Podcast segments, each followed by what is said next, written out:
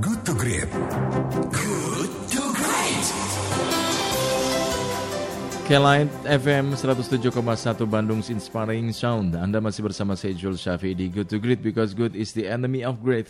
Dan kita memasuki sesi diskusi pagi ini kita membahas eh, diskusi pertama tentang menjaga optimisme di masa-masa sulit akibat pandemi COVID-19. Pandemi COVID-19 berdampak pada seluruh sektor kehidupan secara global. Diperkirakan situasi sulit ini masih akan berlangsung sampai beberapa tahun depan selama vaksin COVID-19 belum ditemukan. Nah, di sektor ekono- ekonomi misalkan, hasil survei Lembaga Penelitian Saiful Mujani Research and Consulting SMRC menunjukkan masyarakat Indonesia cenderung merasa pesimis dengan kondisi ekonomi negara setahun ke depan. Sebanyak 49 persen warga menilai bahwa ekonomi Indonesia hingga tahun depan akan memburuk akibat corona. Masalahnya dalam ekonomi, persepsi membentuk realita. Seperti halnya sebuah self-fulfilling prophecy yang akan mewujudkan dirinya sendiri begitu. Maka bagaimana meningkatkan optimisme masyarakat? Bagaimana pula langkah-langkah terobosan yang perlu dilakukan? Nah, untuk menjawab itu kita akan diskusi dengan narasumber yang sudah terhubung di ujung telepon, Ibu Henry Saparini, ekonom senior Core Indonesia. Assalamualaikum warahmatullahi wabarakatuh. Selamat pagi, Ibu. Waalaikumsalam warahmatullahi wabarakatuh. Selamat pagi Kang Ijul. Baik, pagi juga. Sehat, Ibu? Alhamdulillah. Alhamdulillah. Orang-orang seperti ibu itu harus sehat terus, Bu. Karena diperlukan Semua lah pemikirannya. Bu, ini hasil survei Saiful Mujani Research Consulting menunjukkan masyarakat Indonesia kan cenderung pesimis ya, Bu, kondisi Ya. ekonomi negara setahun ke depan. 49% warga menilai ekonomi Indonesia sampai tahun depan ini akan memburuk gitu loh. Nah, masalahnya itu kan dalam ekonomi persepsi itu kan jadi sentimen yang membentuk realita gitu. Betul. Tadi saya bilang self fulfilling prophecy. Ini bisa mewujudkan dirinya sendiri gitu menjadi sebuah realita. Bagaimana dalam proyeksi Anda sendiri, Bu? Ya, selamat pagi pendengar eh, sahabat Kilait. Iya. Jadi hari ini kita kayaknya Kang Ijul tuh pagi-pagi udah ngajak pesimis aja nih. Siap, enggak juga, Bu. Justru ini melawan pesimis. Sebenarnya kalau kita lakukan survei saat ini Mhm. karena yang selalu dibicarakan adalah COVID dan kita juga belum sampai kepada peaknya, belum sampai pada puncaknya. Oke. siapa pun pasti ditanya, kamu khawatir nggak dengan ekonomi ke depan? Pasti khawatir. Hmm. Tidak hanya yang kelompok menengah bawah, yang mereka terkena PHK atau yang mereka punya bisnis tetapi sekarang ini tidak boleh ngapa-ngapain, Iya. atau mereka perusahaan-perusahaan besar yang memang sedang disuruh berhenti dulu gitu. Jadi kalau sekarang ditanya, pasti eh, suasana batinnya itu pasti negatif atau Hmm. pesimis gitu. Nah, ditanya di negara mana pun juga begitu. Ke Meksiko juga pasti begitu. Berarti kalau gitu pasti- surveinya salah momen ya nanyanya. artinya nggak usah ditanya juga pasti jawabannya akan pesimis gitu Iya, ya. iya, iya. Nah, cuman eh, apakah ini sepesimis apa gitu? Hmm. Karena semestinya kan harus segera diinfokan kepada publik bahwa kita nggak perlu pesimis itu terlalu berkepanjangan. Hmm. Bahwa ini nanti kita ke- apa pertumbuhan ekonominya itu akan drop bahkan mungkin negatif. Hmm. Itu udah sangat mungkin lah orang kita nggak boleh ngapa-ngapain gitu. Iya. Tapi yang penting itu optimisme ekonomi harus dibangun yang pertama adalah optimisme ekonomi karena COVID itu dikelola dengan sebaik-baiknya. Hmm. Nah, sekarang pertanyaannya, apakah publik itu meyakini bahwa COVID ini sudah dikelola dengan sebaik-baiknya? Hmm. Apakah publik sudah merasa bahwa eh, penanganan COVID ini sudah serius, sedemikian tegas dan sedemikian mengikuti protokol gitu. Nah, kalau kita melihat bahwa ternyata penanganan COVID-nya sendiri kok masyarakat itu menilai kurang tegas gitu ya. Hmm. Eh, dan juga masyarakat banyak yang tidak disiplin karena tidak yakin bahwa ini akan bisa berkepanjangan, maka baru kita bicara memang wajar kalau pesimisme itu bertambah. Iya. Karena optimisme ekonomi itu baru akan muncul kalau optimis terhadap penanganan COVID-nya. Mas. Hmm, artinya ketika ditanya masyarakat ini pesimis, mereka, apakah bisa dibilang bahwa mereka juga tidak uh, belum merasa yakin bahwa penanganan COVID ini juga benar gitu? Betul, karena di negara mana pun kalau kita melihat negara-negara yang uh, sudah melandai ya, yang sekarang tidak ada kasus lagi, kan fokus pertama itu adalah dalam penanganan wabah. Hmm. Tidak ada yang bicara stimulus terlebih dahulu. Adanya stimulus untuk menjaga daya beli. Tapi semua tahu bahwa pertumbuhan pasti akan terpuruk. Ek, uh, investasi tidak akan terjadi, ekspor juga tidak boleh karena semua ditutup. Yeah. Nah, jadi semua negara juga fokusnya di situ. Nah, tapi kalau kita melihat di Indonesia ini kan separuh-separuh ya. Artinya hmm. konsentrasinya itu antara konsentrasi menyembuhkan ekonomi dengan konsentrasi untuk menangani wabah. Yeah. Semestinya seluruh energi itu di awal-awal ini kan kita baru tiga bulan ya. Mm-hmm. Semestinya fokusnya adalah di situ. Tutup ya tutup beneran. Mm-hmm. Kalau ada APBN digunakan untuk ongkos menutup gitu. Mm-hmm. Tapi mm-hmm. ini kan ya tidak. Tapi nanti kalau jadi kayak nggak yakin, iya, iya. nggak yeah, yeah. yakin bahwa COVID ini kasusnya akan bisa meningkat gitu. Jadi hmm. oke okay lah nggak apa-apa lah dibuka sedikit lah gitu lah mas. Yeah, jadi yeah. itu kan yang membuat jadi gimana nih? Jadi akan selesai kapan? Apa Juli benar? Hmm. Atau September atau Oktober? Jadi saya mau ekspansi bisnis saya kapan? Hmm. Saya mau implementasi uh, investasi saya kapan kan? Yeah, iya. Ketidakpastian itulah yang menciptakan pesimisme tadi. Hmm. Ya, kalau karena itu tadi karena penanganan COVID-nya. Jadi itu yang yeah. pertama. Yeah. Yang kedua, optimisme tadi uh, bisa diciptakan kalau kemudian ada tim ya dari pemerintah yang kemudian melakukan analisa dengan cepat hmm. terhadap eh, peluang-peluang uh, pasca COVID.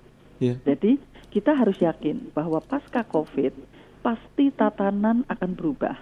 Tidak hmm. hanya tatanan dalam negeri, tetapi tatanan global. Hmm. Kalau selama ini kan yang dibicarakan hanya new normal. Yeah. Jadi behavior orang akan berubah. Tadinya dia nggak pakai masker, sekarang pakai masker. Tadinya hmm. nggak cuci tangan, sekarang cuci tangan gitu. Hmm. Jadi secara bisnis berarti sekarang yang akan tumbuh tinggi adalah untuk internet, yeah. atau yang tumbuh tinggi adalah semua yang di delivery atau logistik yang apa namanya tidak beli langsung hmm. tapi online gitu itu itu kan uh, perilaku perilaku atau normal baru uh, setelah covid hmm. tetapi juga harus diciptakan normal baru dari sisi struktur ekonomi Indonesia Hmm. Nah, kalau kita tahu di saat COVID, ini kan kita bisa menilai mana nih yang kita ternyata tetap berdaya saing, mana ini yang kita ternyata punya potensi baru, bisa berdaya saing baik ekspor maupun di dalam negeri. Hmm. Atau yang mula, punya potensi baru baik di pasar dalam negeri maupun di pasar ekspor. Nah, hmm. kalau ini segera di dilakukan analisa cepat ya. Misalnya pangan, Mas. Hmm. Kita ketergantungan pangan impor itu kan tinggi sekali kan? Iya. Yeah. Nah, apakah setelah Covid ini kemudian tidak menjadikan ada perubahan paradigma bahwa hmm. ternyata pangan itu uh, kita tidak bisa main-main dengan 270 juta orang gitu. Mm-hmm. Mari kita bikin red, uh, roadmapnya untuk pangan. Mau seperti apa gitu. Nah, setelah itu kita buat maka uh, berbagai program yang ada di pemerintah misalnya kayak prakerja yang itu udah kita diskusikan berkali-kali gitu ya. Yeah. Tidak perlu ada prakerja yang masih ngawang-ngawang karena kan setelah training terus mau dipakai apa wong ekonomi belum gerak. Mm-hmm. Tapi bisa aja prakerja untuk kegiatan yang konkret. Jadi dia nyantri untuk bisnis pangan yang itu jelas akan meningkatkan produksi nasional, meningkatkan suplai nasional, tetapi mm. mereka juga dibayar.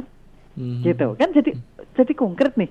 Yeah, yeah. Oh, kita bisa bikin ini, bisa bikin. Nah, ini siapa yang melakukan ini? Nah, kalau strategi ini, roadmap ini segera dibuat, mm dan kemudian disampaikan kepada publik. Nah, baru publiknya kemudian optimisme itu muncul. Karena ternyata ini ada nih, ada hope nih kalau Oktober selesai beneran, kata pemerintah ini yang ada peluang tinggi itu ini ini ini ini ini gitu. Iya, Jadi iya, iya. saya akan masuk ke situ gitu kira-kira. Hmm, ya artinya harus dikaji ulang tadi ya eh, Bu eh, bilang sampaikan bahwa struktur ekonomi harus dikaji ulang lagi Betul, karena kenormalan baru. Sama dengan kita bicara omnibus law, Iya. kan itu tujuannya bagus tuh. Iya. mulia untuk bisa mendorong investasi, terus kemudian juga mendorong penciptaan lapangan kerja.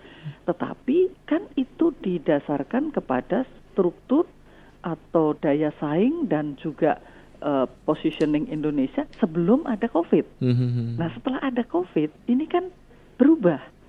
Nah, apakah benar bahwa kemudian klaster sumber daya alam itu kebijakannya akan begitu? Hmm, Jangan-jangan setelah COVID ini kita akan kita review, oh tidak begitu gitu. hmm, Nah, jadi nggak nggak perlu buru-buru. Ntar dulu ini memang akan ada perubahan yang luar biasa. Semua ekonom global itu sudah mengatakan akan ada ultranasionalis. Hmm. Jadi trennya itu lebih inward looking. Iya, iya. Dan sebenarnya nggak cuma setelah COVID ini, 10 tahun terakhir ini pun juga eh, perdagangan dunia itu tidak inline atau tidak sejalan dengan pertumbuhan ekonomi dunia. Hmm. Artinya ekonomi dunia tumbuh bukan karena perdagangan internasional gitu, Hmm. karena banyak juga yang sudah memilih untuk em, memikirkan kembali inwardnya gitu ya, Iya. eh, untuk menguatkan ekonomi mereka. Nah, ini di, kalau kita melihat dalam konteks di di keuangan gitu ya, Bu ya. Benarkah pada saat sekarang ini posisi loan to deposit ratio di semua bank itu mencapai angka 95%? persen? Mm-mm. Di untuk lo- loan to deposit ratio artinya dana-dana bank yang sudah disalurkan, memang sebelum COVID itu pun sudah sangat tinggi. Hmm. Nah kalau sekarang ini likuiditasnya itu eh, terbatas dengan adanya COVID, ya bisa difahami bahwa tadinya 85 mungkin sekarang 90. Nah cuman pertanyaannya, apakah ini kan skala prioritas nih? Iya.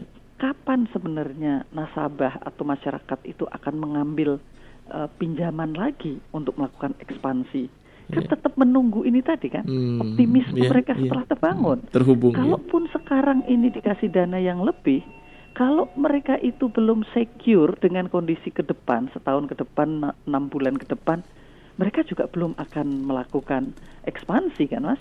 Hmm. Karena kemarin berhenti juga mereka harus recover dulu dengan capacity yang yang normal sebelum covid kan? Hmm. Tapi gitu. dal- dalam konteks likuidit- likuiditas perbankan kita ini eh, dalam pandangan Anda apakah cukup rawan kalau tadi LDR loan to deposit eh, rasionya sudah mencapai angka 95%? Untuk ekspansi iya, kan Hmm. perlu kita hitung kapan itu kira-kira mereka akan lakukan ekspansi. Iya. Maka yang harus kita harus kita jaga adalah jangan sampai ada antrust terhadap perbankan kita, sektor keuangan kita, sehingga masyarakat berduyun-duyun mengambil dana. Itu yang harus di-maintain, Iya, iya, iya. gitu. Jadi eh, sehingga bank tidak perlu menyediakan dana terlalu gede kan Iya, untuk untuk itu. Nah, jadi kita yakinkan ini ada hope baru. Ini namanya juga lagi masa prihatin gitu. Hmm. Jadi ya kita kebutuhannya ya lebih kebutuhan dasar yang kita cukupi, yang lain-lain tar dulu gitu Mhm. kan. Nah, Bu- jadi kalau kemudian pariwisata gimana? Kita kan tahu pariwisata itu kan spending di setiap keluarga mungkin kalau nggak nomor 5, nomor 10 atau bahkan nggak ada di dalam list kan. Iya. Itu kalau ada rezeki nomplok aja kan Mhm. gitu. Iya, gitu. iya, Jadi iya. kalau terus kita nomor satu kan dari pariwisata, mungkin juga satu kan dari sisi secure-nya belum, Mhm. dari sisi priority juga Hmm, bukan kan itu iya, mungkin iya, juga iya, tidak iya. mudah. Iya, iya. Nah, kalau kita kembali ke soal pesimisme tadi ya, Bu. Eh, langkah apa saja yang menurut Anda perlu dilakukan untuk mendongkrak tadi ya eh, optimisme di masyarakat? Apakah stimulus misalkan stimulus yang digelontorkan pemerintah kalau nggak salah 400 triliun li, 405 triliun rupiah ya Bu ya. Ini cukup bisa membantu mendongkrak pergerakan eh, ekonomi kita, Bu. Ya, yang pertama itu sebenarnya tetap menurut saya karena kita belum pada peaknya uh, COVID. Hmm. Jadi kita harus yakinkan bahwa kita punya betul-betul protokol yang kita konsisten dan kita tegas. Apakah sekarang ini tidak tegas? Menurut saya iya.